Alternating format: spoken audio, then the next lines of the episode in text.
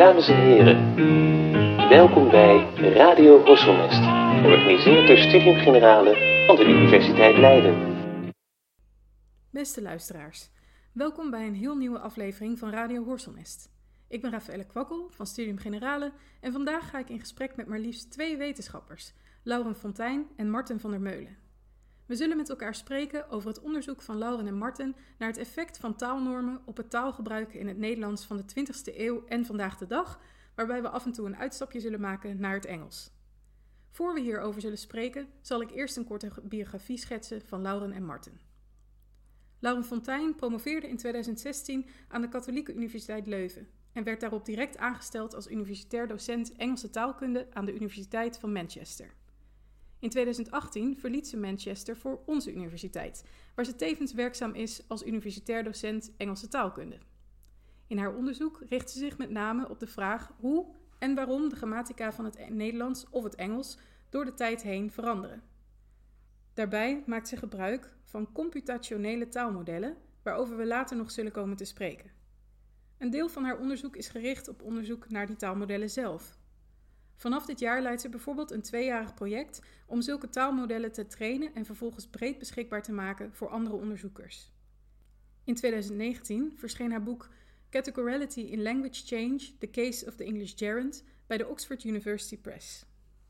In 2020 trad Lauren toe tot de Young Academy Leiden, het platform voor jonge academici waarmee Studium Generale sinds 2020 lezingen organiseert en podcasts opneemt. Leden van de Young Academy Leiden zetten zich onder andere in voor verbinding tussen jonge wetenschappers onderling. Mede daarom heeft Lauren voor de opname van vandaag ook haar collega Martin van der Meulen uitgenodigd.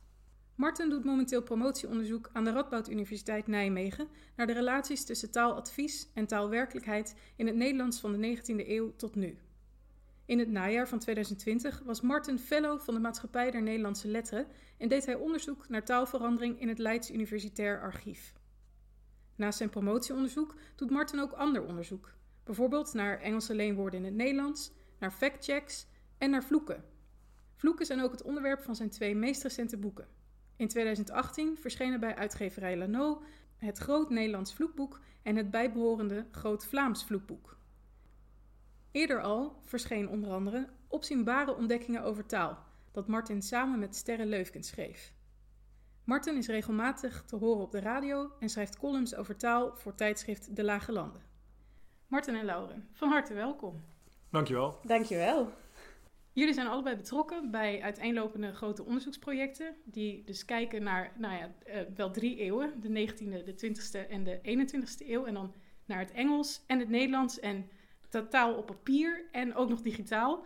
Um, dus we zullen in het gesprek af en toe mogelijk wat heen en weer bewegen tussen die eeuwen en, en tussen de verschillende media, om het maar zo te noemen. Maar een rode draad in jullie beide onderzoekspraktijken is de focus op taalverandering. En daar hebben we al een, een podcastaflevering over opgenomen met Ingrid Tieke. Maar het is toch goed, denk ik, om daar even bij stil te staan. Lauren, mag ik jou daar het woord over geven? Ja, dus um, de vraag is eigenlijk, uh, wat is taalverandering in de eerste plaats? Hè? Ja. Ja. voor ons is dat ondertussen al een beetje vanzelfsprekend dat taal door de eeuwen verandert. Zoals eigenlijk heel veel um, culturele dingen en gedragspatronen uh, veranderd zijn door de eeuwen heen. Um, maar het is af en toe wel leuk om bijvoorbeeld uh, de Koninklijke Bibliotheek van de Nederlanden heeft een, um, een ja, hoe, wat is Delver? Een datacollectie. Een datacollectie, heet Delver. En die uh, kan je gebruiken bijvoorbeeld om historische kranten. Uh, dus je kunt bijvoorbeeld opzoeken wat er op jouw geboortedag gebeurd is. Maar je kunt ook kijken wat er op jouw verjaardag gebeurd is. Moest je in de 16e eeuw geleefd hebben of zoiets. En ik heb daar een keer um, gewoon uit de 19e eeuw een krantenartikel over de staat van het Nederlands opgezocht. En daar stond dan een zin in als... Uh, ja, voor iedereen die dit nou aan het hart ligt, stellen zich op de hoogte der uh, toestand onze taal.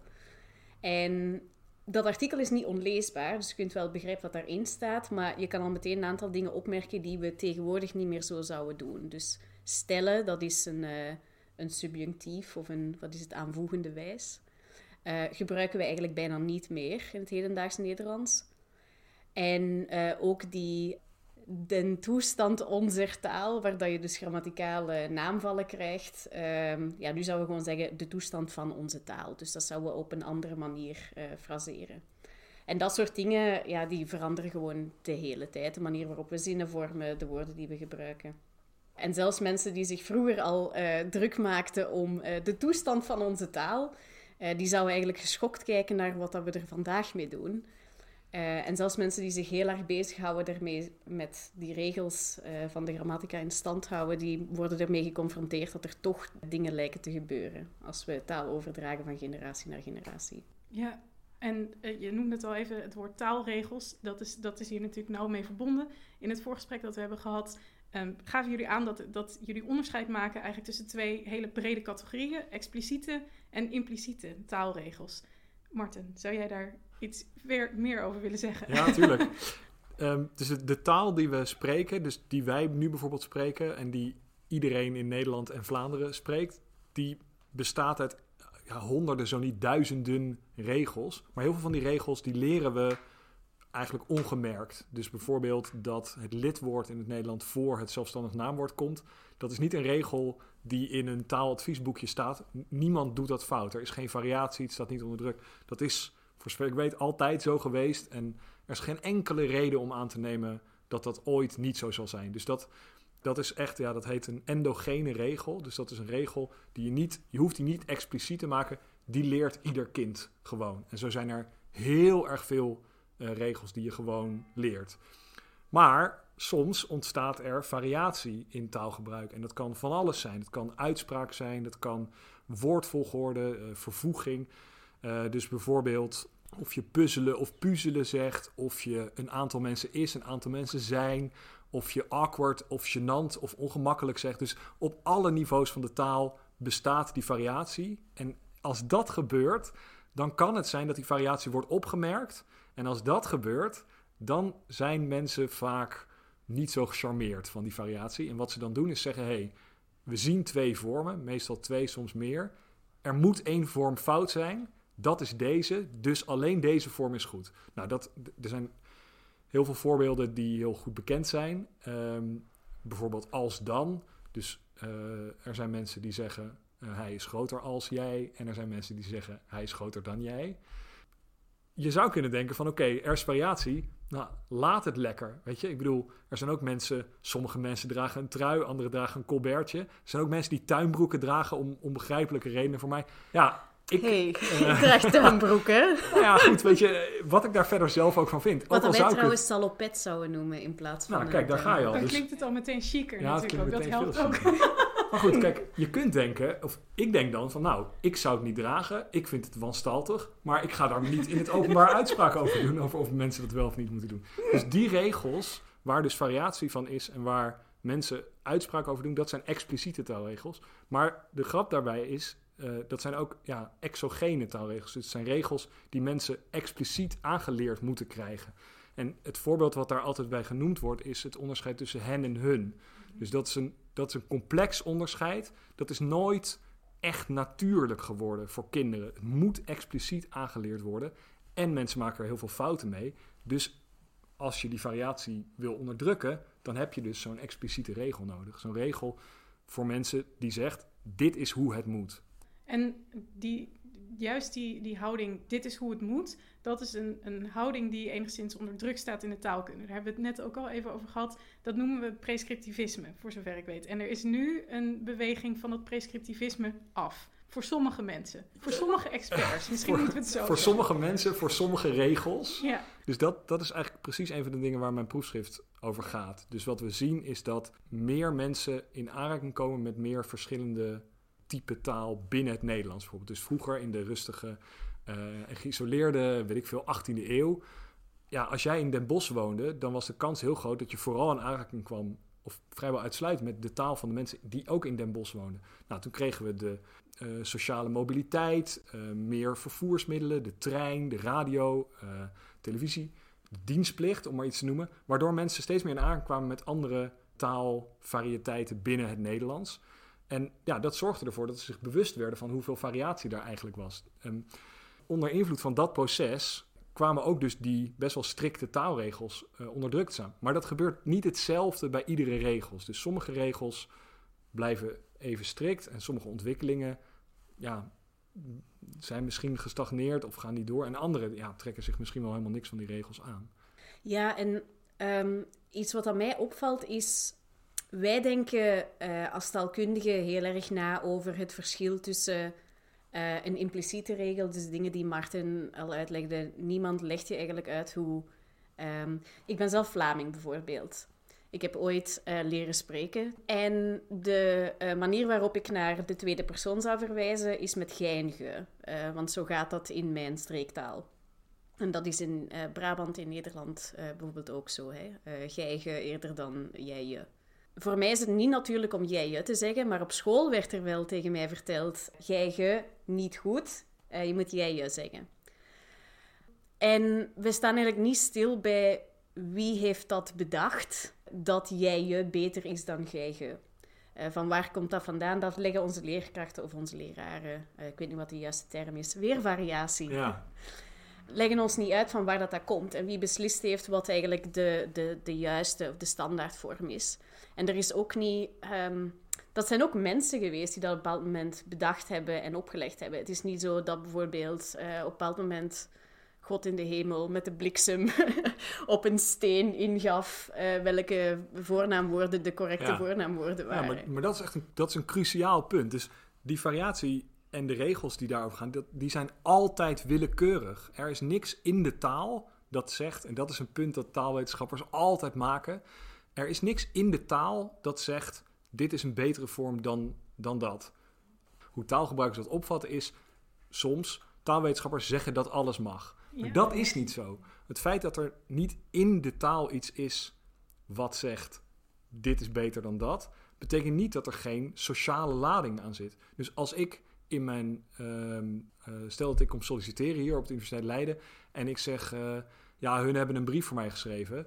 Dan dan heeft dat een bepaalde lading. Dan, ik, kijk, puur taalkundig gezien, dus ja, wat is puur taalkundig gezien? Ik bedoel, en Laurens zal het met me eens zijn, hoop ik, maar je kunt taal niet loszien van sociaal, van de sociale connotaties. Dat is een taalwetenschappelijke hoek, is dat best wel, denk misschien wel een controversiële uitspraak. Um, maar dat is in ieder geval ja, hoe, hoe wij naar, naar taal kijken. Waarom, zou de, waarom is dat dan controversieel? Want dat klinkt mij inderdaad heel vanzelfsprekend in de oren. Maar... Nou, dat, kijk, je kunt taal bestuderen puur als structuur. Dus als een soort abstractie. Maar je kunt ook kijken naar hoe taal, dat, ja, hoe taal voorkomt en hoe taal gebruikt wordt. En, wat je dan bijvoorbeeld ziet, is dat hun hebben, het komt voor. Er, er zijn mensen die dat zeggen. Dus als je dat puur structureel gaat bekijken, dan zou je kunnen zeggen: oké, je kunt hun gebruiken als uh, persoonlijk voornaamwoord, uh, als bezittelijk voornaamwoord. Uh, ik bedoel, als persoonlijk voornaamwoord dat niet een onderwerp is. Maar je kunt het ook gebruiken als, als onderwerpsvorm. Nou, als je dat gewoon puur uit de structuur beschrijft, dan is er verder weinig aan de hand. Um, maar als je de sociale dimensie daarbij betrekt, dan begrijp je ik bedoel, dan, dan wordt het, dan wordt het uh, zinnig. Uh, dan krijgt het betekenis. Namelijk, je ziet dat er allerlei regels omheen zitten en alle sociale connotaties. Ja. Misschien... ja, ik denk, dus voor mij helpt het vaak om uit te leggen um, hoe taal werkt door een uh, voorbeeld te gebruiken dat niet uit de taal komt. Als ik bijvoorbeeld zeg, sommige mensen zeggen hun hebben, andere mensen um, zouden dat niet kunnen zeggen. Uh, maar je ziet wel dat het voorkomt. Puur structureel heb je eigenlijk gewoon een beeld van welke vormen komen in welke contexten. En je bent alleen maar over de taal aan het spreken. Maar zodra je er een sociale dimensie in betrekt, is het handig om het te vergelijken met andere gedragspatronen. Bijvoorbeeld in België en in Nederland en in veel West-Europese landen was het lang zo dat bij een begrafenis doe je zwarte kleren aan. Dat is niet in alle landen zo. Um, dat is misschien zelfs niet in alle provincies van een land zo, maar dat is een gedragsregel. En dan zouden we kunnen zeggen, uh, in de context van een begrafenis is het niet gepast om andere kleuren dan zwart te dragen. En op dezelfde manier kan je zeggen, in de context van een uh, zinsonderwerp is het niet gepast om hun te zeggen. Uh, wegens de sociale regels die er zijn. Nu is het controversieel om gelijkenissen te trekken tussen taal en andere soorten cultureel gedrag, omdat je dan een beetje, een beetje taal te reduceren tot een soort van behaviorisme. En daar zijn we wel voorbij, denk ik. Eh, er zijn eh, hele grote discussies over of we over taal kunnen spreken zonder die sociale dimensie. Maar ik denk van waar Marten en ik komen, is die sociale dimensie en die gebruikscontext en de sociale lading die bepaalde vormen krijgen heel belangrijk. In ons onderzoek wordt dat, staat dat centraal eigenlijk als we over taalverandering praten. Ja, en, ook, en het wordt ook, ja, ik vind het, het wordt er interessanter door. Het wordt er ingewikkelder door, absoluut.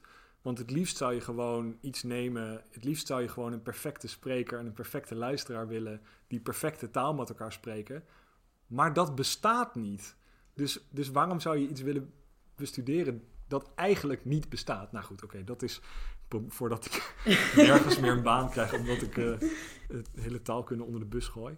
Nee, maar dus de, de, sociale dimensie, dat is, dat is in ieder geval voor ons uh, waar, waar het interessant wordt. Dus nou, wat Lauren ook al zei, van ja, je hebt bepaalde gedragspatronen. Die gedragspatronen werken in sommige situaties wel en in andere situaties niet. Dus ik, vind, ik gebruik altijd het voorbeeld van um, als je op een voetbalveld staat, dan heb je een speciale speciaal tenue aan. Kleding die geschikt is, die past bij, dat, bij die context. Als je die kleding aan zou trekken naar een, uh, een sollicitatiegesprek, dan zou dat heel raar zijn. Dus de normen voor die verschillende situaties, die zijn anders. Maar wat een beetje gebeurd is met taalnormen, dus die, die expliciete taalnormen, die waren in eerste instantie bedoeld voor best wel een klein deel van de taal, namelijk formele schrijftaal. Dus tot ver in de 19e eeuw, 20e, nu nog steeds, zien we dat mensen in informele taal veel meer variatie tentoonspreiden. En in gesproken taal helemaal. Maar wat mensen, waar het mis is gegaan, is eigenlijk dat mensen dus hebben gezegd van oké, onbewust of bewust, we pakken die taal en we breiden die naar, naar alles uit. Ja. Het is een beetje alsof je zegt, de gedragsregels die gelden voor een sollicitatiegesprek, die moeten voor alles gelden. Ja. Maar dat, is, dat is waanzin. Ja, dat vind ik eigenlijk een hele toffe vergelijking. Dank je. Want uh, het is hetzelfde als zeggen, we moeten ons op begrafenissen zwart kleden, dus we moeten dat altijd gaan doen overal. En dat is het, het probleem met die expliciete regels is, we zijn nogal geneigd om mensen af te rekenen op het feit dat ze anders spreken dan wat wij geloven dat de, de norm is. En nogmaals, die norm is ook een keer bedacht door mensen. Die is niet ingegeven door een of andere hoge instantie. Ehm, voor een hele specifieke context. Nu zijn er heel veel mensen die dat gebruiken als een stok om te slaan. En die zeggen, je wijkt af van die, die standaard en dat is slecht. En dat is inderdaad te vergelijken met... We zijn er allemaal mee eens dat als je een sollicitatiegesprek hebt of een sollicitatiebrief schrijft, dat je de standaard moet gebruiken. Maar wat een taalkundige niet zou doen, is zeggen: iedereen in alle contexten moet die standaard gebruiken. Een taalkundige is eerder geïnteresseerd in te kijken waar wijken we af van die standaard. Ja. Waar ontstaan er nieuwe regels die anders zijn en waarom ontstaan die? Ja, en de grap is dat dus, en dat, dat is ook iets waar mensen zich volgens mij relatief weinig van bewust zijn. Het is niet zo dat er alleen maar die regels zijn en verder helemaal niks. Dat het een soort van post-apocalyptische film is waar buiten het laatste baken van de beschaving een soort van wilde uh, wildernis is of zo, waar, waar alleen maar mob rule of weet ik veel. Iedere situatie heeft zijn eigen normen.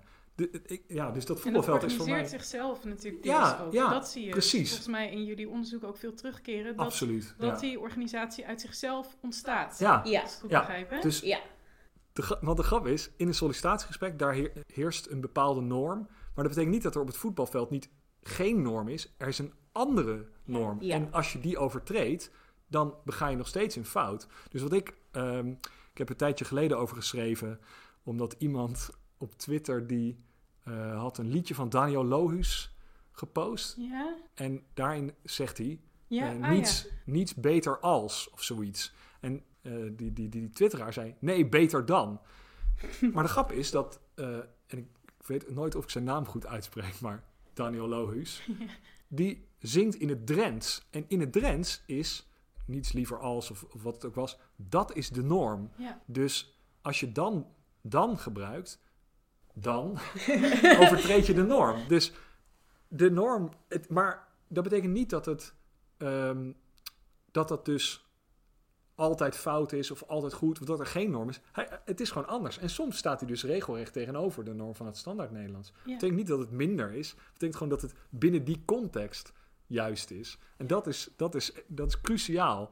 En op het moment dat je probeert regels nou ja, voor een begrafenis op te leggen aan alles, en daar gaat het fout. En daar is het fout gegaan bij taalnormen. Dat is gewoon heel evident. Ja, en met, maar tegelijkertijd is het natuurlijk denk ik ook zo dat mensen zo in paniek raken over, over die taalnormen en zo vasthouden aan die begrafenis, om het maar zo te zeggen. Omdat de hoeveelheid contexten of, of situaties die in elkaar overvloeit, Ja. soms Ja. overweldigend kan werken. Ehm, dus da- daar komt die, die neiging om, om toch vast te houden aan een bepaalde onderliggende standaardconventie dan dus vandaan. Eh, heeft dat dan dus te maken met dat mensen het in de, dat opzicht dus uitdagend vinden om al die verschillende contexten toe te laten? Omdat daar toch ook weer een soort beoordelingsmechanisme mee gepaard gaat, bijna meteen. Van eh, sommige voetbaltenues worden wel toegestaan, om maar zo te zeggen, maar een snackbar eh, schort, dat is dan niet welkom. Dat, dat krijg je dan misschien snel. Ja. Ja, nu, ik denk dat mensen niet moeten onderschatten hoe goed ze eigenlijk zijn in al die domeinen gescheiden te houden. Dus ik weet dat heel veel mensen hun drang naar zoiets als vertel me wat de norm is of zeg me wat ik moet doen, komt uit, vanuit onzekerheid. Maar mensen moeten in de eerste plaats hun eigen taalgevoel niet onderschatten, want dat is vaak gewoon prima voor de context waarin het gebruikt wordt.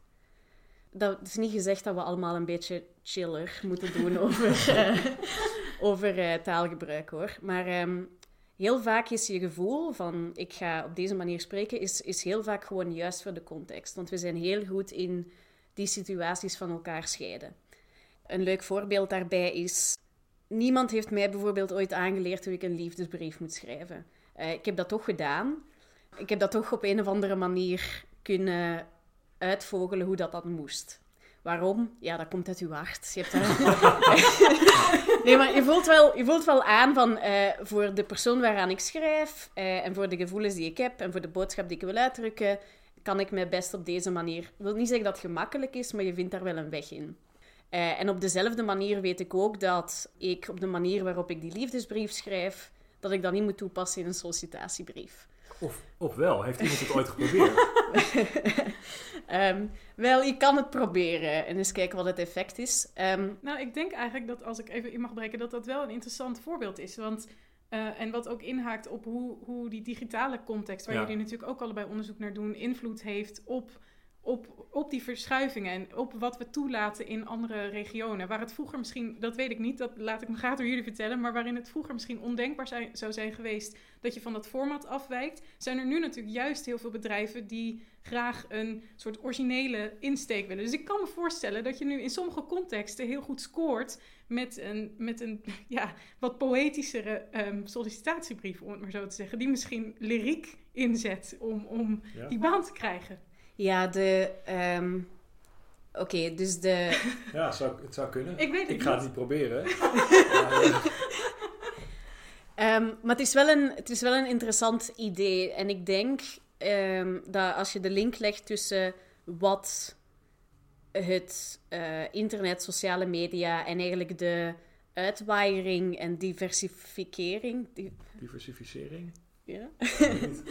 Eh, het meer divers worden van ehm, de, de schrijftaal door eh, het feit dat we eigenlijk veel meer schrijven dankzij online contexten, Ja. heeft er wel voor gezorgd dat er meer mogelijk geworden is in de schrijftaal. Dus vroeger was ehm, het eigenlijk redelijk beperkt waar wij eh, schrijftaal voor gebruikten.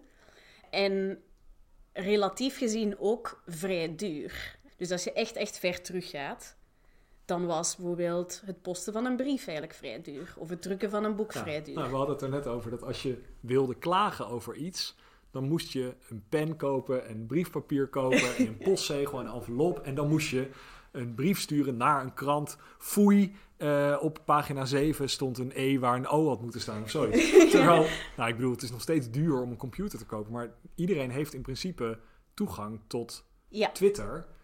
En Ja. dan kun je, nu kun je gewoon zeggen, eh, wat ben jij een slechte eh, spreker van het Nederlands of iets dergelijks. Dus de, de snelheid ehm, waarmee het kan, maar ook hoe kostenefficiënt het is om te schrijven, is heel erg veranderd. En met die reden, wat daarmee samengaat, is dat ehm, de manier of de, de, de geadresseerde eh, die we in gedachten hebben als we schrijven, is ook anders geworden. Dus ehm, we gebruiken nu ook veel meer persoonlijke, informele eh, schrijftaal. En die schrijftaalnormen zoals die ooit gemaakt zijn, waren eigenlijk niet ontworpen om dat soort uh, contexten te cateren. Ja. En de laatste tijd uh, gaan we dus wel vaker schrijven met andere communicatieve doelen. En wat dat mensen gaan doen zijn, is eigenlijk de schrijftaal aanpassen om beter bij die context te passen. Heel erg leuk. Um, en dat heeft een... ja, heel erg Ja. leuk. Maar dat heeft een bredere waaier aan. En om terug te komen op wat jij net zei... Dat heeft ook ons idee van wat er allemaal mogelijk is met schrijftaal en wat we verwachten van mensen die zich in geschreven taal ehm, eh, voorstellen, eh, veel creatiever kan zijn, veel leuker kan zijn, veel eh, meer kan afwijken van het vaste format en stramien dat er ooit bestond. Maar wat je zei over onzekerheid, dat is natuurlijk inderdaad een heel groot probleem. Dus de snelheid waarmee die ontwikkelingen plaatsvinden, dat, dat is bijna niet bij te houden. Dus, en wat er dan dus gebeurt, en dat vind ik alleen maar eh ra, eh, interessant, er ontstaan de hele tijd nieuwe normen. Want eh, zowel in microsituaties, dus voor hoe gebruik je een nieuw woord, maar ook voor een medium bijvoorbeeld. Dus ik zit niet op TikTok, is dat nog het nieuwste? Laatst, Ik denk Volgens mij loop ik alweer drie media achter. Maar goed. Eh, ah, bijvoorbeeld nu, je hebt nu Clubhouse. Toch? Dat is vrij nieuw. Dat is een soort Ja. live podcast waarbij je mee kan praten. Ik weet niet. Oké. Hoe dan ook, het is, het is een nieuw sociaal medium. Dat betekent dat mensen ermee gaan klooien. Ze gaan kijken wat wel en niet werkt. Dus wat er dan eigenlijk gebeurt is dat er eh, bottom-up, dus door de gebruikers, ontstaan normen. En wat er dan kan gebeuren, en dat is in principe ook wat er bij de taal gebeurt, eh, of, of is gebeurd en aan de lopende band gebeurt, is in eerste instantie ontstaan die normen impliciet, totdat iemand zegt, nee, we, we horen dat zo te doen. Ja, ja.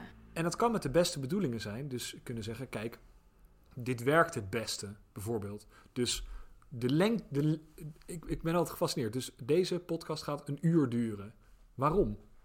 Weet je, Ja, dat, nee, dus dat, dat is een norm die ontstaan is. Net als dat sigaretten een bepaalde lengte hebben. Dat is, niet, dat- dat oh, is ook niet iets wat van bovenaf is gekomen. Dat een sigaret moet En. God besliste, de de sigaret zal moet- 10 centimeter Ja, zijn. nee. Centimeter. Ja, Ja. een centimeter is ook een willekeurige maat, weet je. Maar daar is ook een, een norm voor. En zo, als je, ja, ik bedoel, nu zetten we alles op los zand. Niets is waar.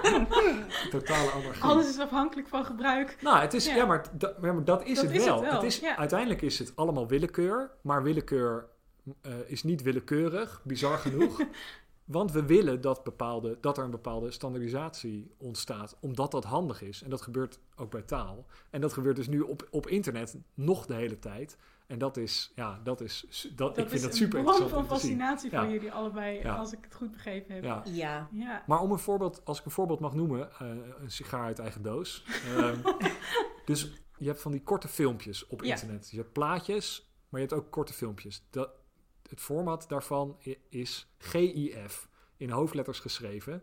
In het Nederlands is dat niet zo'n probleem, want je zegt volgens mij gifje. Ik zeg Ja, altijd gifje. dat, eh, ja. In het Engels kun je dat uitspreken als GIF, ook eh, naar analogie van gift bijvoorbeeld.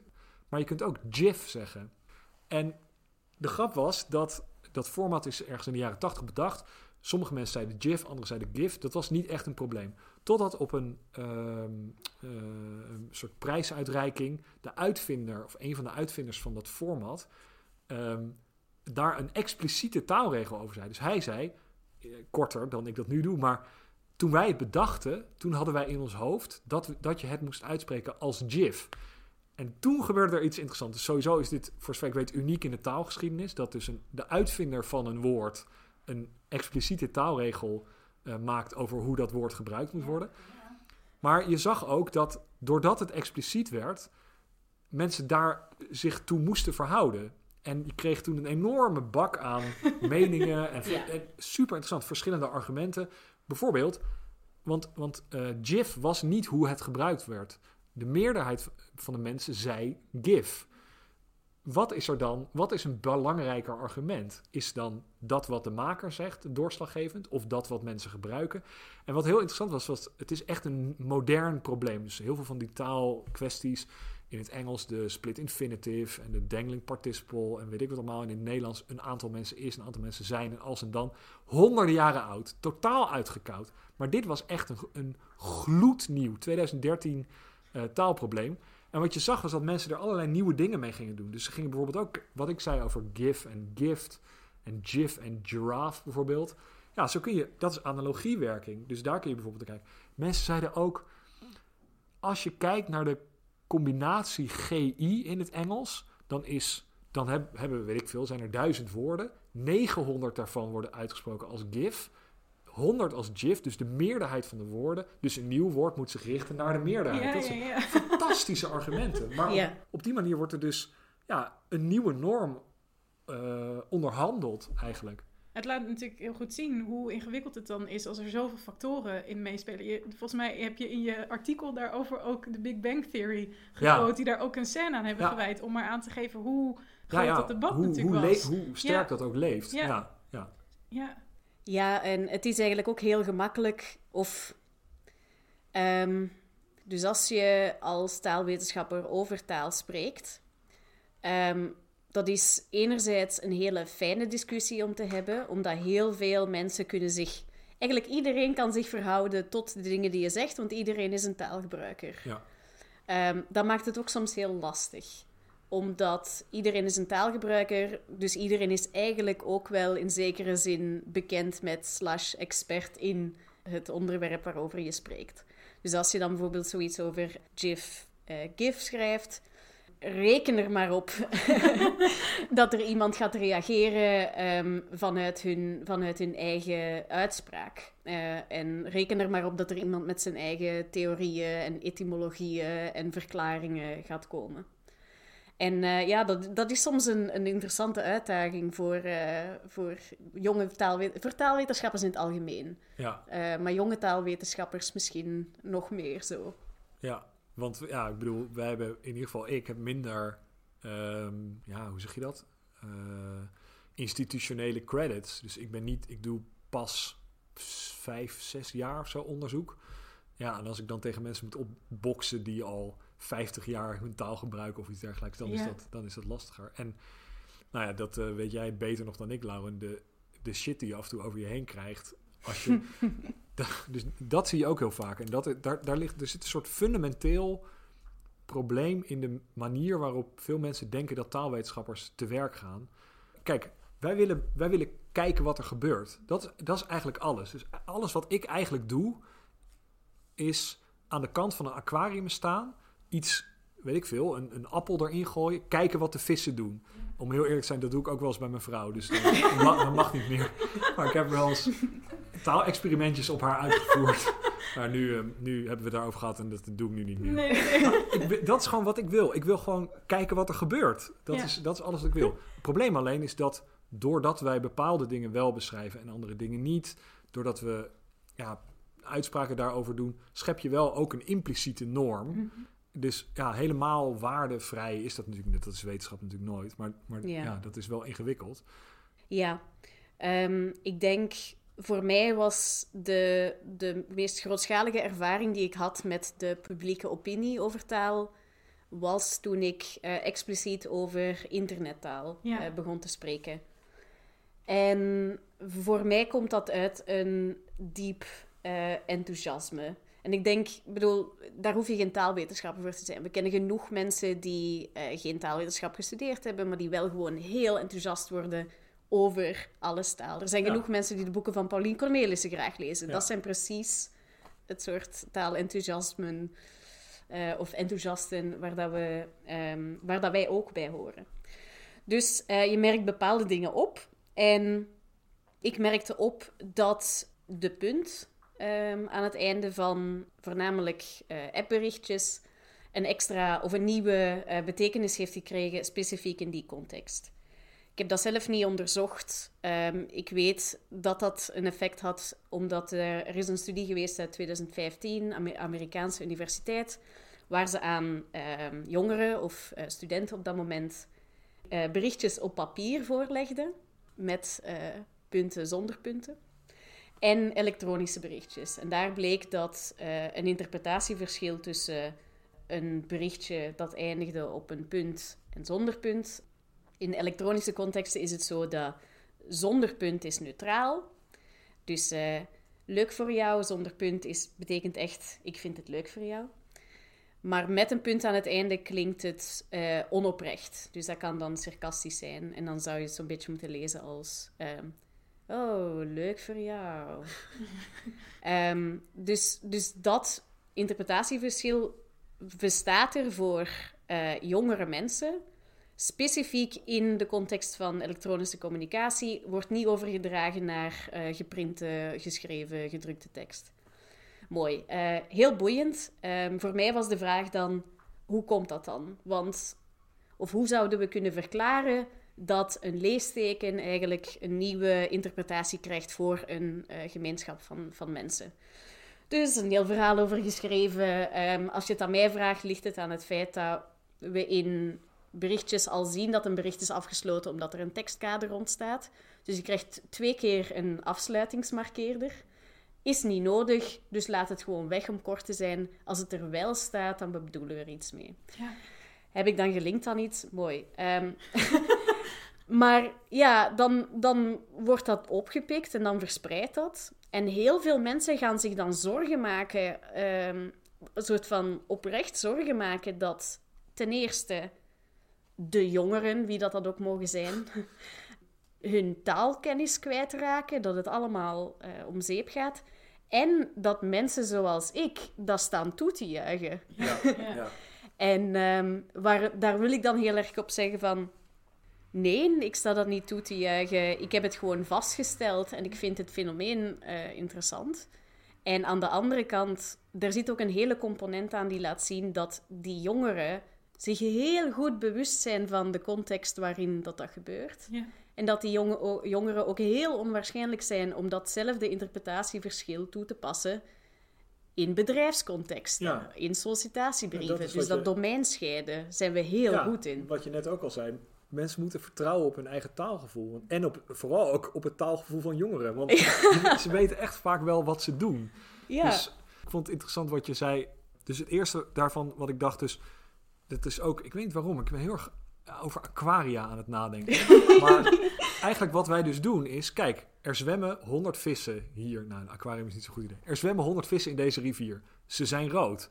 Dan op een gegeven moment zien we, hé hey, kijk, er komen blauwe vissen bij. Dat betekent niet dat wij zeggen, oh, de blauwe vissen zijn de enige goede, alle rode vissen moeten dood en alle rode vissen zijn fout. We zeggen alleen maar, er verandert iets.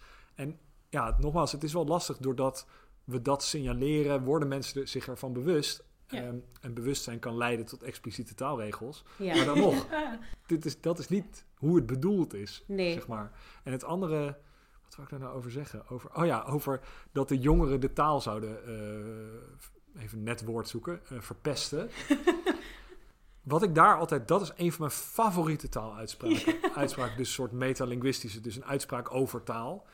De grap is namelijk, als je gaat kijken in de geschiedenis, dan kun je altijd uitspraken vinden van mensen die zeggen dat de jongeren de taal verpesten. Of dat de taal verloedert of zoiets. Dus er, zijn, er is een heel mooi voorbeeld uit de brieven van Seneca bijvoorbeeld. 46 voor Christus, als ik me niet vergis. Waarin staat, vroeger was de taal heel goed, maar met de tijd is er een zekere verloedering opgetreden.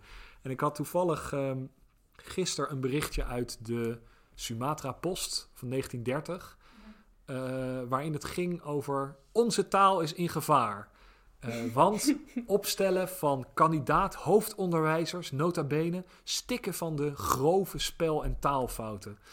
Nou, dat is natuurlijk ontzettend uh, verontrustend. Maar dan denk ik altijd, en dat zei je volgens mij net ook, Lauren, als toen de taal al helemaal naar de haaien ging, uh, wat spreken wij dan nu? De mensen vroeger die zouden echt stijl achterover vallen van hoe zelfs de hooggeëerde bewakers van onze taal, de zelfverklaarde taalhoeders, Ja. hoe, hoe die de taal misbruiken en eh, weet ik veel. Hoezo Soort- je gebruikt geen genitief Ja, naamval hoe meer? durf je? Ja, hoe, hoezo zeg je laten we naar huis gaan in plaats van laat ons naar huis gaan? Hoe Ja. durf je? Wat, wat is dat voor een affront tegen de taal? Maar Wat me daar dan wel bij opvalt, is dat we dan dus voorbij gaan aan de manier waarop, waarop er ook creatief om wordt gegaan met taal. En waarop er dus allerlei nieuwe dingen ontstaan. Nieuwe formatten, nieuwe templaten, zoals jullie dat geloof ik noemen. Ja, ja. En ik denk ook dat als we te veel eh, focussen op hoe we zouden geloven dat het zou moeten zijn, en als we te weinig kijken naar wat voor leuke, creatieve, gekke dingen er allemaal gebeuren, dat we onze, onze blik veel te, te nauw opstellen. Nou ja, verschillende... eh, sorry. Ik moet erbij denken aan wat je in het voorgesprek zei over de functie van autocorrect in, in digitale context. Misschien is dat een goed voorbeeld daarvan. Dat, dat ehm, jullie zijn als taalwetenschappers natuurlijk erg geïnteresseerd in dus het taalgebruik van, van mensen in de praktijk en hoe dat zich verhoudt tot die taalregels. En die autocorrect functie die neemt dat eigenlijk weg voor de toekomst. Stel dat je, Ja. en daar moeten we Ja. misschien zo nog over Ja. hebben, over corpus linguïstiek, maar stel dat je een, een soort database zou hebben eh, in, in 2035 van 2015, je wil daarnaar gaan kijken en dat is gebaseerd op, op WhatsApp-communicatie, Ja. dan zit daar een soort autocorrect-functie overheen, waardoor je Ja. bepaalde gegevens mist. Ja, die punten gaat plaatsen waar ze, waar ze eigenlijk niet bedoeld zijn door de, Ja. door de spreker en zo, inderdaad. En eh, dat is dus hetzelfde. Het is een computersysteem dat ingesteld is door mensen die geloven dat er een juiste vorm is. En die niet toelaat om mensen om het schriftsysteem te ehm, adapteren of exapteren op een manier waarop het eh, past bij wat ze eigenlijk willen zeggen. Ehm, en ehm, ik denk vaak aan zo'n die dingen als de, de punt-komma. Wanneer heb jij voor het laatst een punt-komma gebruikt? Ja, ik gebruik ze af en toe, maar het krijgt bij- bijna een soort cultstatus bij mij. Ik namelijk heel, ik gebruik heel veel dubbele punten. Ik weet niet precies waarom, maar ik weet, ik schrijf heel veel samen met, met andere mensen en die, het wordt me echt wel eens gezegd van je gebruikt veel te veel dubbele punten. Dus wat ik nu gewoon af en toe doe is er een punt-kommaatje tussendoor gooien. gewoon, Volgens mij is de enige reden dat de punt-komma nog gebruikt wordt door mensen het feit dat hem op het toetsenbord staat. ja, Verder hebben we daar geen taalgevoel over. We hebben vaak zoiets van, ja, ziet er chic uit. ja, ja. Eh, Ja. Of het, het is hier, het ligt er toch, dus Maar dan- waarom? Maar dat is interessant, hè? want dan krijg je dus sowieso die ontwikkelingen met de punt zijn fascinerend, omdat er dus bepaalde ja, technische ontwikkelingen zijn, waardoor de punt eigenlijk overbodig wordt. Nou, wat je zei, er zit al zo'n soort berichtkader om, dus we hebben de punt niet meer nodig. Dus de punt krijgt dan een soort, een soort sarkmark, een soort markering van sarcasme of van eh, ik meen het niet echt of zoiets. En de punt komma krijgt een soort chique lading. Dus dat wordt haast als een, woor- een, woord als welke, eh, de huizen welke we hier zien, of indien, of iets dergelijks. Net zoals bijvoorbeeld die eh, den toestand onze taal, die Ja. naamvallen. Vroeger, nu klinkt dat zo, eh, weet je, haal de monocle erbij, steek de Ja, ja. pijp op, eh gesofisticeerd. Vroeger was dat gewoon normaal. Dat was hoe dat mensen Ja. spraken. Maar omdat ze ehm, naar archaïsch taalgebruik zijn eh, verschoven, krijgen ze nu ehm, eh, die extra lading van, van chic en Je mooi moet zijn. even over de TH vertellen in het Engels. Oh ja, en ook geinige, toch? Ja, ja. Dus voor mij is dat de meest platte manier om tegen mijn eh, vrienden, familie te spreken eh, met geinge. Opmerking die ik van Nederlanders vaak krijg is eh, van... ja, je mag gewoon jij zeggen hoor, ik, ben, ik ben maar Marten. Of, Ehm, voor mij heel vreemd, want voor mij is dat de platte vorm. En ik vind je en jij net chic, omdat dat de, standaardvorm is. Voor een Nederlander is ge en jij ehm, te beleefd, Ja, te deftig ja omdat het naar archaïsch taalgebruik verschoven is en vooral in religieuze Ja, teksten nog voorkomt. En in het Engels is er zoiets eh gelijkaardig gebeurd. Dus je had daar de voornaamwoorden eh thou, thee, thine. En eh daartegenover stond de vorm eh, you.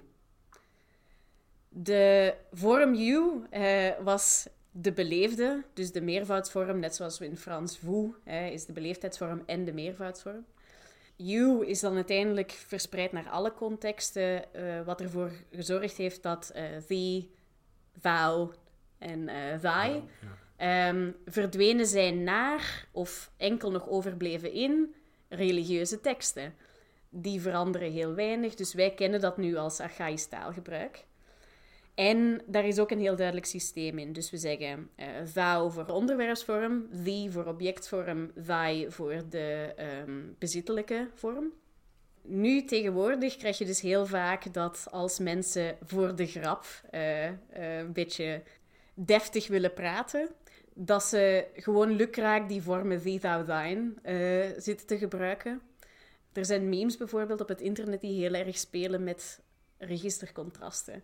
Dus dat je een soort van heel archaïs, heel deftig taalgebruik gaat gebruiken om een hele banale boodschap te verkondigen. Ja. En daar zie je dat dus heel vaak terugkomen. Dat mensen precies thee of thou of thy gaan gebruiken om netjes te klinken. Maar ooit was dat dus wel de onbeleefde vorm. Ja, Maar we hebben daar geen voeling meer mee. Dus een soort van naar een bepaalde context verkleind.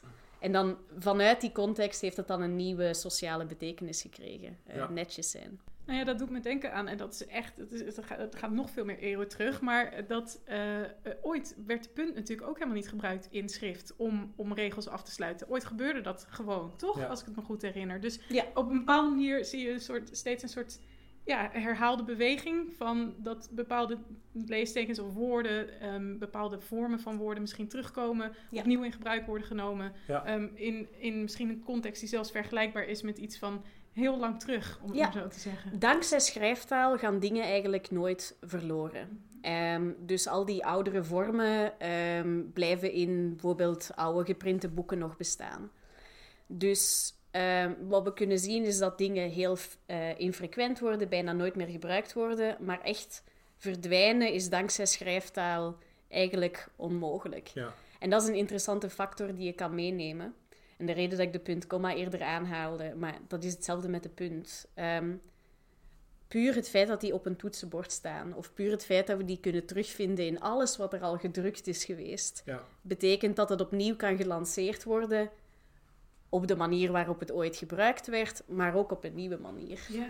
Dus een hele fijne Ja. soort van recycling Ja, ja. Van, van elementen dat we daar zien. De ja. vergeetwoorden zijn altijd een mooi voorbeeld daarvan. Dus dat zijn, er zijn voor bijvoorbeeld de Taalstaat, het radioprogramma op, eh, op zaterdag Radio 1 van Frits Spits. Die heeft altijd zo'n terugkerende rubriek waarin dan vergeten woorden weer voor het voetlicht worden gebracht. Ah. Of onder het voetlicht, of Ja. tussen het voetlicht.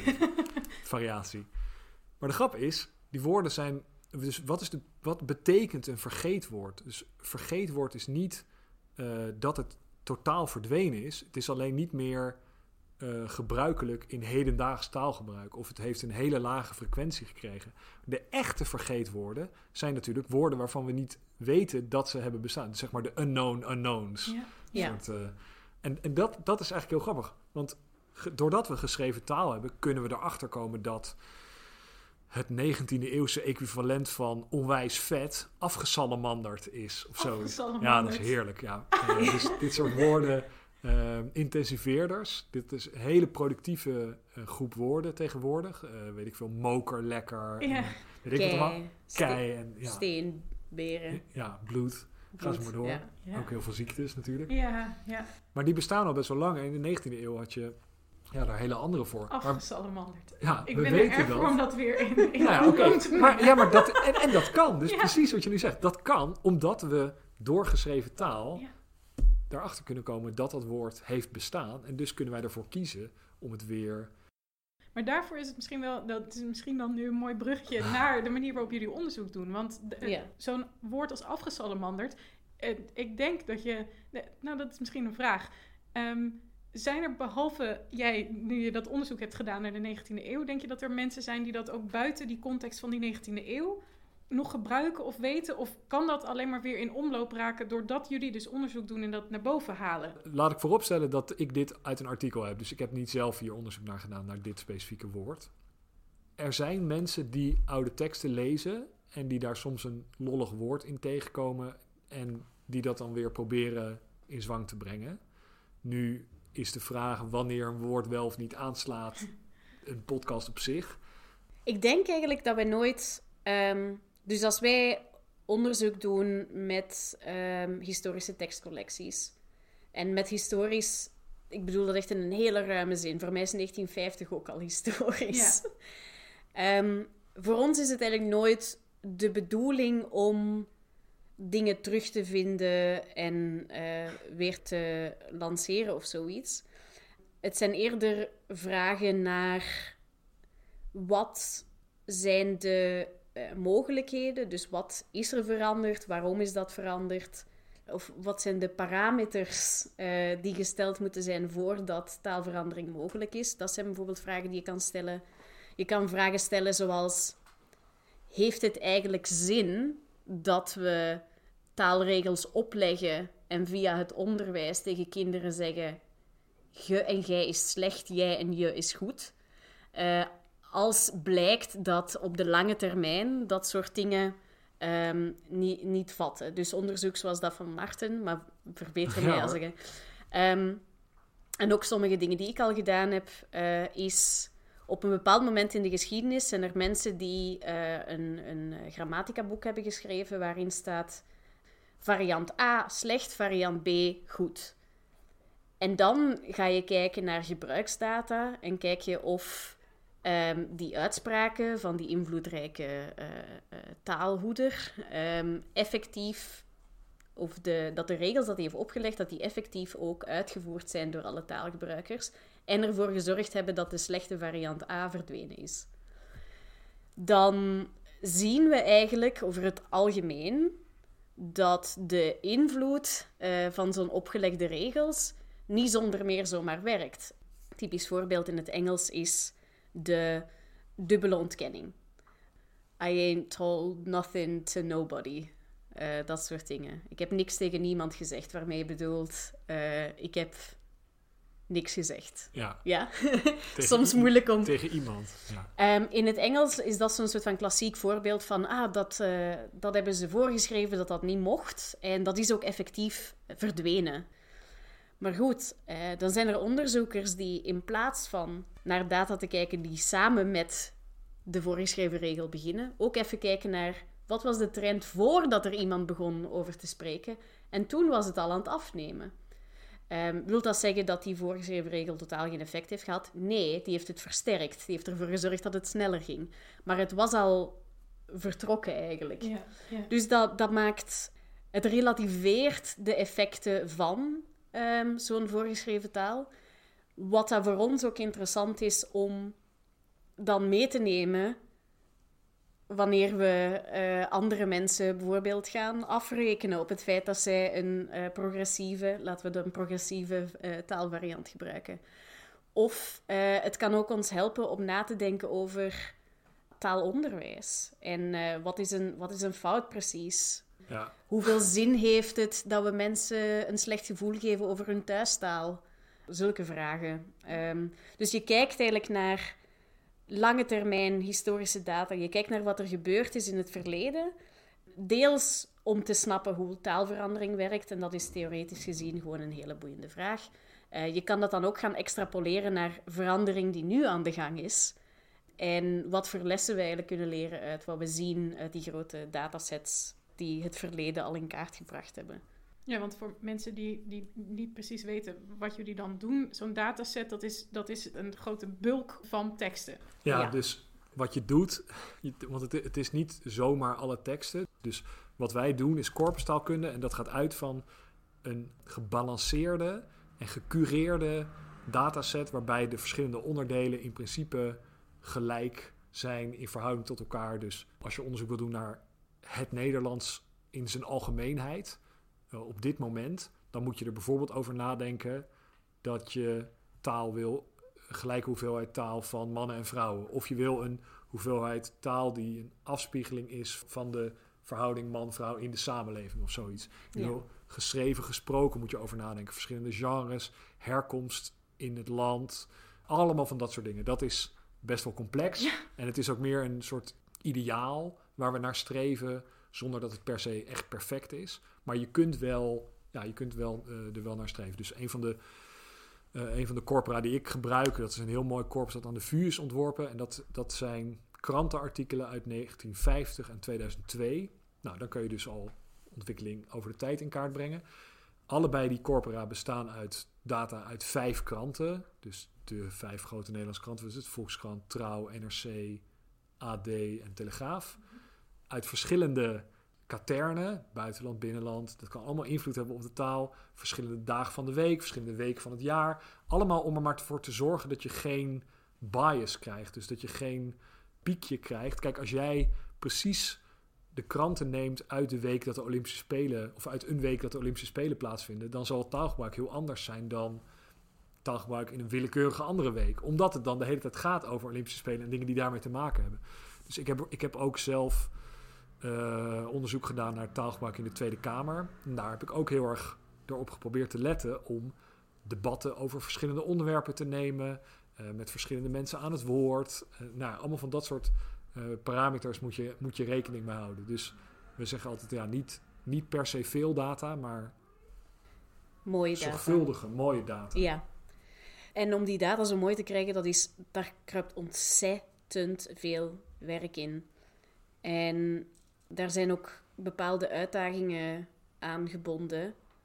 Omdat als het gaat over de jaren 50, dan zouden we eventueel nog mensen kunnen vinden die geleefd hebben in de jaren 50. En we zouden hun eventueel nog kunnen vragen: hoe zit dat voor jou? Nu ben ik er niet helemaal van overtuigd dat dat een goede manier is om het taalgevoel van een spreker uit de jaren 50 te beoordelen. Want ik ben er althans van overtuigd dat wij onze, ons taalbegrip of ons taalgevoel bijstellen naarmate we ouder worden. Wat dat wil zeggen, niet iedereen is het met mij eens daarover. Dus sommige mensen denken echt dat, zeker als het over zinsbouw gaat, dat wij in de kindertijd ingeplant krijgen bijna hoe het zit voor onze versie van het Nederlands en dat het zo doorheen het hele leven blijft. Ik ben zelf meer van de stroming taalkundige die gelooft dat naarmate wij in contact komen met andere varianten, eh, ook binnen de zinsbouw, dat we kunnen bijstellen wat wij geloven dat goed Nederlands is. Een persoonlijk voorbeeld is, uh, ik ging naar de middelbare school. Middelbare school is een beetje de leeftijd waar uh, nu discussie over is van telt hij nog mee in de kneedbare periode of zijn we dan al verknoeid? um, dus ik kwam de middelbare school. Um, ik ben zelf van een, uh, een, een, het is een stad. Um, Verdedigde zij zich? Wel, ik, zou het zelf, ik ben zelf geneigd om het een dorp te noemen, maar uh, ik denk dat officieel het een stad is. Heet Scherpenheuvel-Zichem. Maar het is niet groot genoeg om een eigen middelbare school te hebben. Dus ik moest naar de, de dichtstbijzijnde stad Aarschot. En daar kwamen dus veel mensen van verschillende omliggende steden samen naar de middelbare school te gaan. En ik had een vriendin uit Boyschot. En zij deed iets heel interessants. Zij gebruikte een te-infinitief samen met het werkwoord willen. Dus in plaats van te zeggen, ik wou je nog bellen, zou zij zeggen: Ik wou u nog te bellen. Oh, cool. Wauw. Oké. Ik ehm, was echt helemaal weg van, van vriendin van mij. Ik vond dat zo. Ik had geen mening over die structuur buiten van: hey, dat is anders dan wat ik zeg.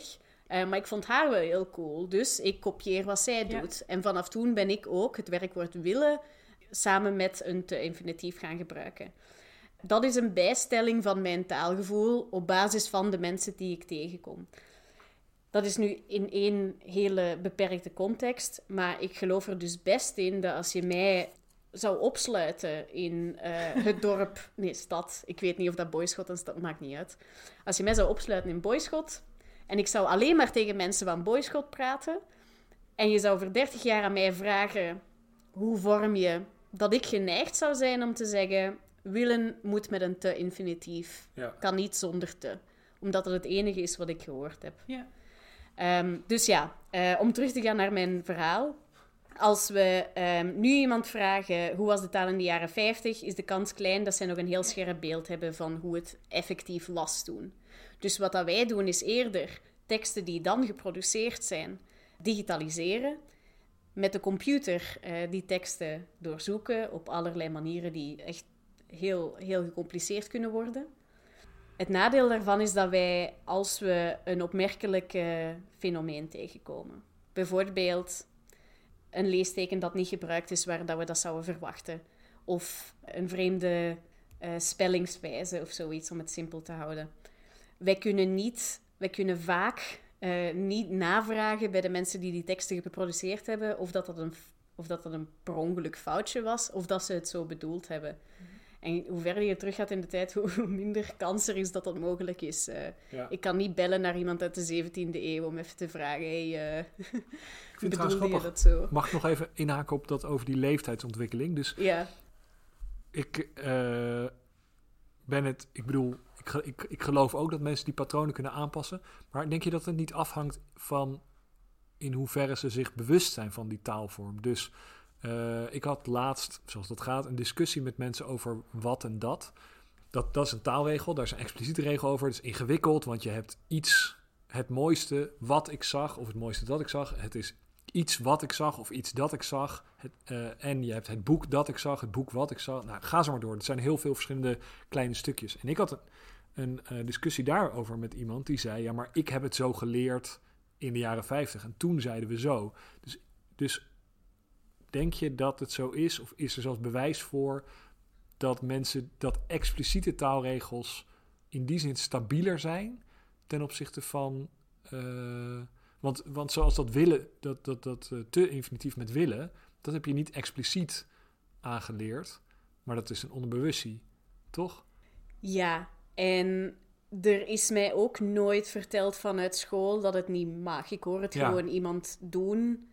Ehm, iemand die ik hoog heb zitten. Ja. Iemand die ik graag naaap, Ja. omdat ik ze zo Ja, hoog heb zitten. Dat speelt een hele grote rol trouwens, eh, in wat er eh, verandert. Dat er bepaalde soort van influencers avant la lettre zijn ja, ja. ja. bepaalde Ja, zaken ik kan doen. ze zo aanwijzen ook hoor, in mijn vriendenkring. Gewoon, Ja. ja, Ja.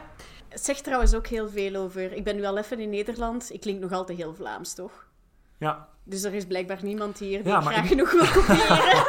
Ja, wat- nee, maar, het- maar ik vraag me af of er bepaalde woorden zijn die jij vijf jaar geleden of zo ook zou hebben gebruikt. Dus voor mijn gevoel is ja, maar dat, dat is nergens op gebaseerd. Ik heb het gevoel dat jouw uitspraak Vlaams is gebleven, maar misschien is jouw woordgebruik minder Vlaams, eh, minder uitgesproken. Zeker zo. Ik denk wel dat we taal kunnen indelen in ehm, componenten. Ja, Eh, woordenschat is er eentje waarvan we echt helemaal zeker weten dat we die heel de tijd bijstellen. ja, Ehm, en mensen lijken zich ook, en dat weet je eigenlijk ook, Ja. hè, mensen lijken zich bewuster van. ehm, dus als wij bijvoorbeeld ook een discussie voeren met niet-taalwetenschappers, is het voor ons gemakkelijker om over dingen zoals spelling en Ja. woordenschat te spreken, Ja. omdat mensen zich bewuster zijn van die onderdelen van de Ja. taal. En eh, ja, die is eenvoudiger bij te stellen. Over uitspraak weet ik heel weinig. ja, Over grammatica weet ik wel zo dat er. Ehm, over het algemeen wordt er aangenomen dat wij niet bewust omgaan met zinsbouw. Maar dat er wel bepaalde dingen zijn die, zoals bijvoorbeeld dubbele ontkenning, dat is puur zinsbouw. Eh, dat is wel heel prominent geweest. Hè? Ja, het is ook in alle grammatica boeken. Dus Ja. we kunnen die wel aan het licht brengen. ja, En we merken het ook wel heel erg als iemand afwijkt van zinsbouw. Ja. Maar die zijn niet op dezelfde manier... We zijn niet op dezelfde manier bezig met zinsbouw als dat we Nee, bezig ja. zijn met onze woordkeuzes. Zeker en vast. Ja, ja.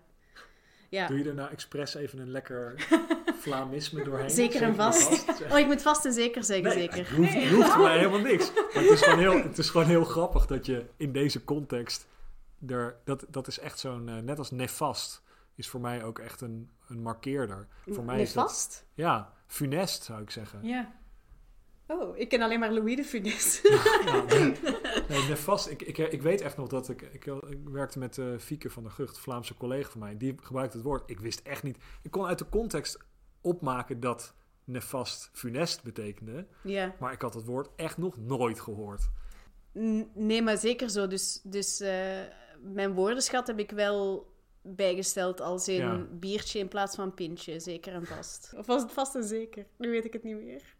In, in- volgens mij in het Nederlands, Nederlands? Nederlands is het gebruikelijker om vast en zeker te zeggen. Maar ik zeg dat nooit eerlijk gezegd. Dus volgens mij is dat ook nog een soort frequentieding. Dus vast en zeker, ik, ik weet, gebruik, ik, ik gebruik, ik zeg dat echt nooit. Absoluut, zou ik zeggen. Ja. Maar zeker en vast Klopt. klopt. Ja, oh klopt, is zo interessant. Er zijn mensen die denken dat dat invloed is van het Indisch Nederlands. Het is heel onduidelijk waar dat... eh, ja, ja nou, dat moet je maar... Dat is ook weer ja, een heel, ja, heel ingewikkeld verhaal. Maar eh, het punt van klopt is altijd dat we gewoon van heel veel dingen helemaal niet weten waar het vandaan Nee. komt, hoe het zich heeft verspreid. En dat zijn allemaal dingen die je heel mooi kunt onderzoeken met corpustaalkunde. Want je, ja, je kunt dan zien dat de relatieve frequentie van een bepaald woord bijvoorbeeld toeneemt. Dus, eh, sorry, relatieve frequentie, dus de verhouding tussen twee vormen. Dus je hebt bijvoorbeeld aan de ene kant een aantal mensen is en aan de andere kant een aantal mensen zijn. Als je op allebei die vormen zoekt, dan vind je een totaal aan die twee opties. Maar wat gebeurt over tijd vaak, is dat de verhouding tussen hoe vaak de ene vorm opkom- eh, voorkomt ten opzichte van de andere verschuift. Ja. Eh, en dan spreken we, dat is in principe vaak wel taalverandering Ja. eh, is. Of ehm, we kunnen dus van die toestanden hebben als op een bepaald moment in de tijd eh worden er in alle soorten teksttypes thou, thee, thy gebruikt of gij, ge gebruikt. En dan als de tijd verstrijkt, dan verdwijnen die vormen of dan wordt de relatieve frequentie, dus de verhouding van hoe, dat die, hoe vaak dat die woorden voorkomen per duizend woorden in een bepaald teksttype, eh, gaat naar beneden. Behalve in één teksttype. Of we kunnen zien hoe dat Ja. iets. En dat is wat je bij internettaal nu tegenwoordig heel veel ziet. Hè? Dat er iets ontstaat in dat domein, in dat register, in de manier waarop mensen schrijven op het internet. En dat het dan langzaamaan ook in andere domeinen begint op te duiken. Ja, Dus dat je ehm, bijvoorbeeld allerlei afkortingen die ooit waarschijnlijk door tweets en sms'en, omdat je daar een aantal karakters Ja. hebt, eh, zoals BRB. Eh, dat we dus nu bijvoorbeeld in e-mails, waar dat er helemaal geen karakterlimiet is, eh, ook van die dingen als BRB ja gaan of zelfs in gesproken taal kunnen mensen BRB. Eh, lol. Ik heb iemand, Lol, ja. iemand die lol zegt Ja. als hij iets grappig vindt. Ja, Dus- ja, dat is heel bijzonder. Overigens moeten we hier dan altijd vanuit de Bond van Taalkundigen de disclaimer bij zeggen dat afkortingen niet een nieuwe ontwikkeling zijn die Nee, opeens onder- bij Twitter ontstaan is of iets dergelijks. Ook bijvoorbeeld al in telegrammen en Ja. Ja. bij Shakespeare en noem maar op. Dus eh, een toename van afkortingen is zeker niet een internet eh, fenomeen. Het zijn, ik bedoel, het is duidelijk dat er heel veel afkortingen worden gebruikt op internet. Nou, en met hele duidelijke reden, zoals je al zei, eh, Laura. Namelijk een, een limiet aan karakters. Net als bij Telegram bijvoorbeeld, Mhm. Is dat gewoon nodig. Wat me daar altijd aan verbaasd heeft, maar dat, is, dat heeft dan te maken met hoe je eh, lettertekens doorgeeft via de telegraaf, is dat je stop zegt in plaats van punt. Waarom zou je stop dan niet afkorten? Waarom doe je dan bijvoorbeeld niet x? Dat is veel korter. Dus bericht uit, je weet wel, een telegram. Dus eh, bericht uit Amsterdam, stop. Moeder ziek, stop. Kom snel, stop. Waarom zeg je dan niet bericht uit Amsterdam X? Die X heeft geen betekenis in de taal. Maar goed, dat zijn. Dat Ja. is, Dat iets- is, een- het is waarschijnlijk gewoon. Ja, maar dat is waarschijnlijk gewoon mijn, mijn onwetendheid en domheid. En voor ons eh, allemaal, denk ik. Want ik geloof niet dat iemand dit wel... Het is, niet, het is niet dat ik dat nu opeens bedenk dat al die mensen met de telegraaf zitten. Hadden we dat maar gedaan?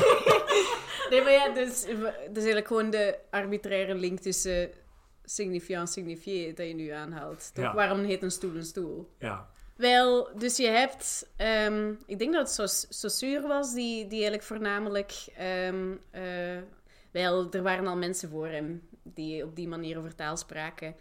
Maar die zei eigenlijk dat we hebben in taal een, eh, een vorm die we gebruiken, dus een klank die we uitstoten, om naar dingen in de werkelijkheid te verwijzen.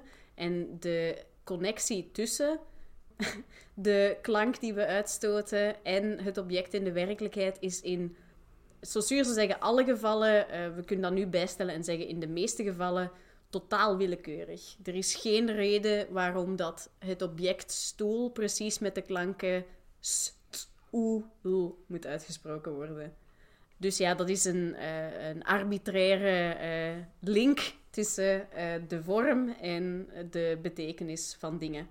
En de enige gevallen waarbij dat de link niet zo arbitrair is, ehm, zijn gevallen als onomatopeeën. Dus bijvoorbeeld dat we kukeleku zeggen voor het geluid van een haan. ja. Maar in de recentste eh, literatuur is er wel. Dus onomatopee, want die zijn natuurlijk ook, zoals je ook weet, wel Cultuurgebonden bedoel je? cultuurgebonden. Ja, Ja. dus. eh, In Frans is het cocorico. Precies, in, ja. ja. En we komen er steeds meer achter dat er toch wel meer links zijn tussen de vorm van een woord en de betekenis toe. Ja. Bijvoorbeeld iconiciteit. en- Ja. ja, er is dus een heel onderzoeksgroep van, ehm, wel, ik denk als we soort van jongere onderzoekers even voorop stellen, zouden we Mark Dingemansen Ja. kunnen noemen. En zij kijken naar alle talen in de wereld. Dus het is een heel groot opgezet eh, comparatief onderzoek. Naar hoe er een relatie is tussen bepaalde klanken die we gebruiken en de referent van de dingen waar we verwijzen. En een eh, Engelse collega van mij, of iemand die werkt aan een Engelse universiteit, eh, Bodo Winter, die heeft bijvoorbeeld gekeken naar de, de klank R, wat dat een trilklank is. Dus wij gebruiken onze tong eh, om een R. Ik ben daar niet zo goed in, want ik heb een huig-R. Maar ik laat mijn huig dus trillen. In Nederland is er vaak een tong-R waarbij je je tongpunt laat trillen om die klank uit te stoten. En dan werd er gekeken naar heel veel talen over de hele wereld. En werd er opgemerkt dat als er ehm, referenten zijn die op een of andere manier ruw zijn, dan heeft de taal waarschijnlijk ook een woord met een R-klank. Ja, ja, ja. Ruw is een perfect voorbeeld. Eh, dus, eh, en in het Engels rough. Ja, Ehm, dus die trilklanken komen vaak voor bij ruwe ehm, objecten. En daartegenover zou staan dat dus gladde dingen, en glad is weer een mooi voorbeeld, eh, klanken zoals l en ja, liquids heten die, Ja. eh, in zich hebben. Ja, ik vind, dit, ik vind dat zo. Dat laat eigenlijk zien hoe ongelooflijk goed het gaat in de taalwetenschap. Dus ja, sorry, ik heb er bijna geen woorden om uit te leggen hoe, hoe tof ik dit vind. Dus er werd heel lang. Saussure is echt, echt een van de. de echt wat Einstein was voor de natuurkunde, weet je, voor de Mhm. taalwetenschap. Echt een van de grote. En nu komen we erachter dat de categorische uitspraken die hij deed eigenlijk helemaal niet zo categorisch zijn. Het is altijd ingewikkelder. Als je eh, dieper, dieper gaat graven, als je gaat peuren, kom je erachter dat het gewoon allemaal complexer is dan we dachten. En dat is eigenlijk wat er Ja. gebeurt met ongelooflijk veel dingen in de taal. Dus ook bijvoorbeeld de relatie tussen taalgebruik en taalnorm.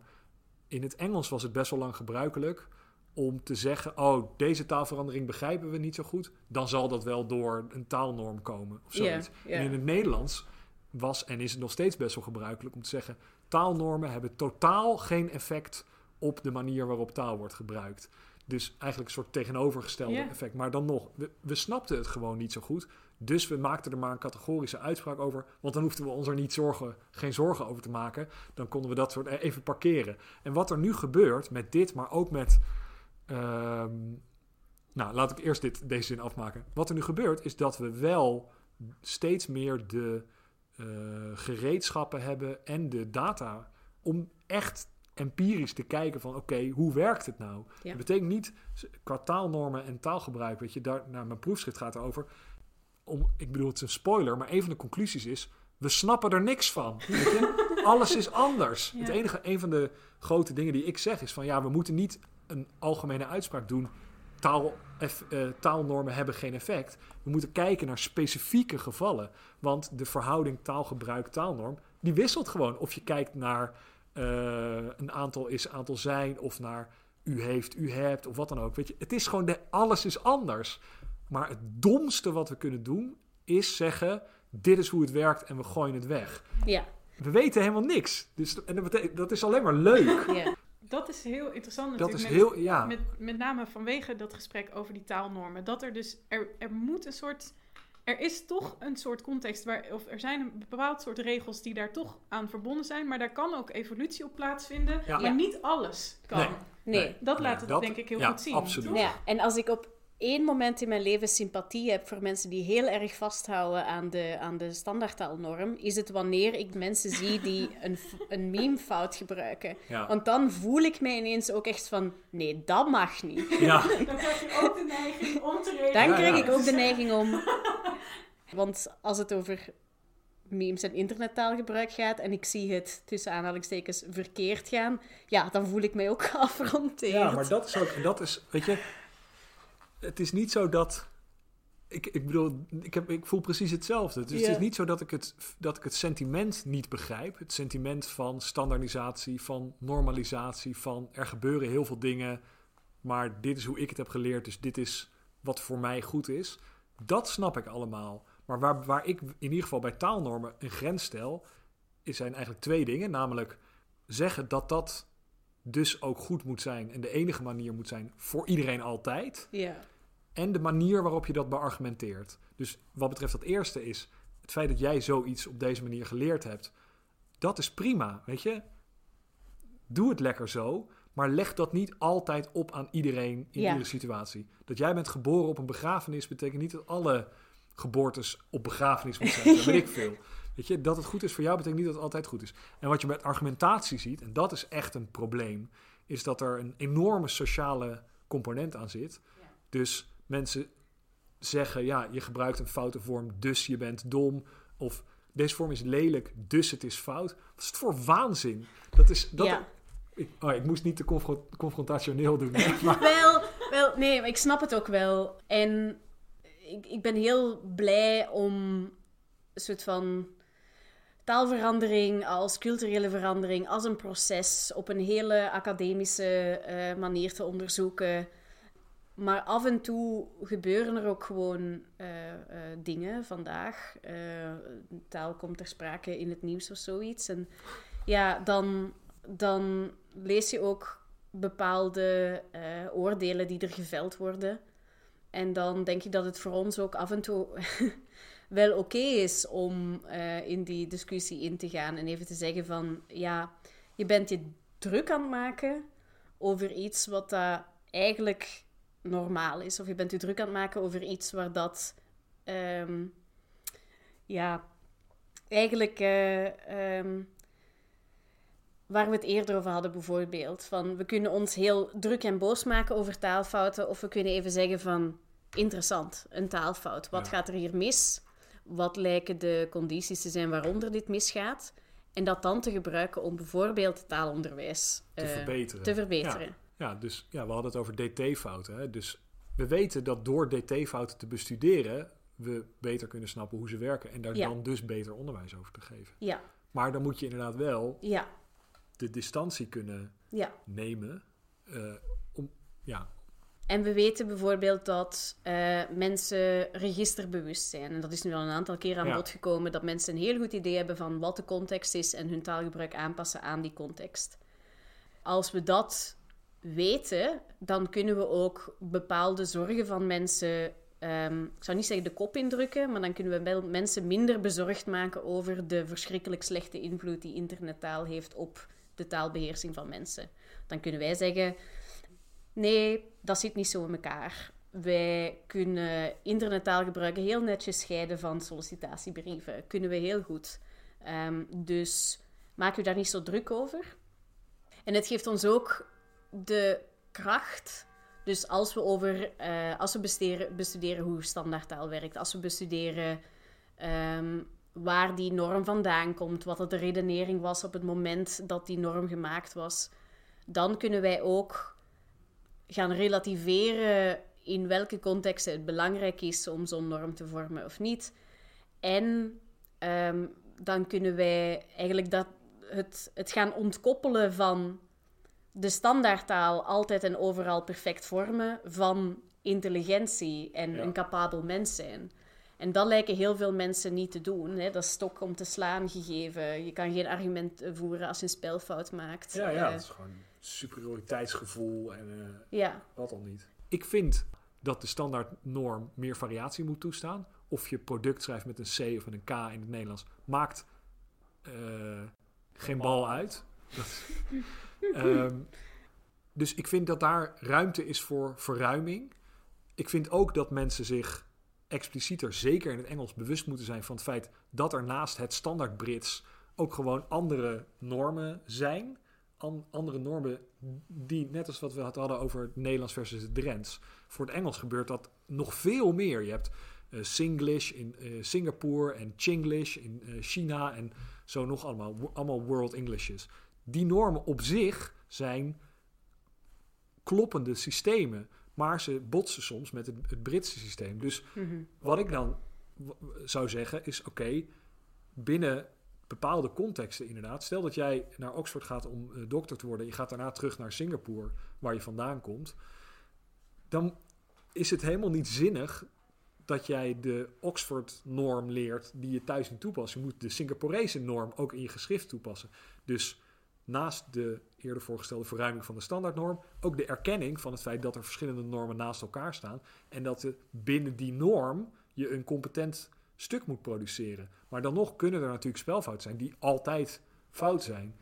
Zoals dt-fouten in het Nederlands. Er is, gewoon, er, er is in principe geen norm waarin dat ja, acceptabel is.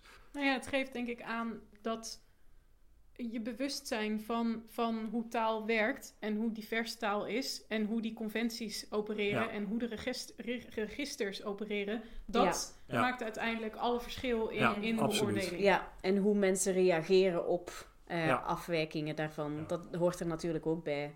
Dat Eh, lijkt me Ja. Een Ja. heel mooie afronding van dit gesprek. Ik Ja. vond het waanzinnig leuk. We hebben eh, uiteindelijk veel langer gepraat dan een uur. Zo zie je maar dat, eh, dat standaarden er Oh, zijn ja. om, eh, over- om te overschrijden. Ik wil jullie heel erg bedanken dat jullie bij ons aanschoven en zo ontzettend eh, open verteld hebben over jullie onderzoek. eh, en ook open zijn geweest over jullie eigen, over de moeilijkheden in dat onderzoek. En onze luisteraars wil ik natuurlijk graag bedanken eh, voor hun luisterend oor en graag tot een volgende keer. Dankjewel. Dank je. Dit was weer een aflevering van Radio Horselnest. Dank u voor het luisteren.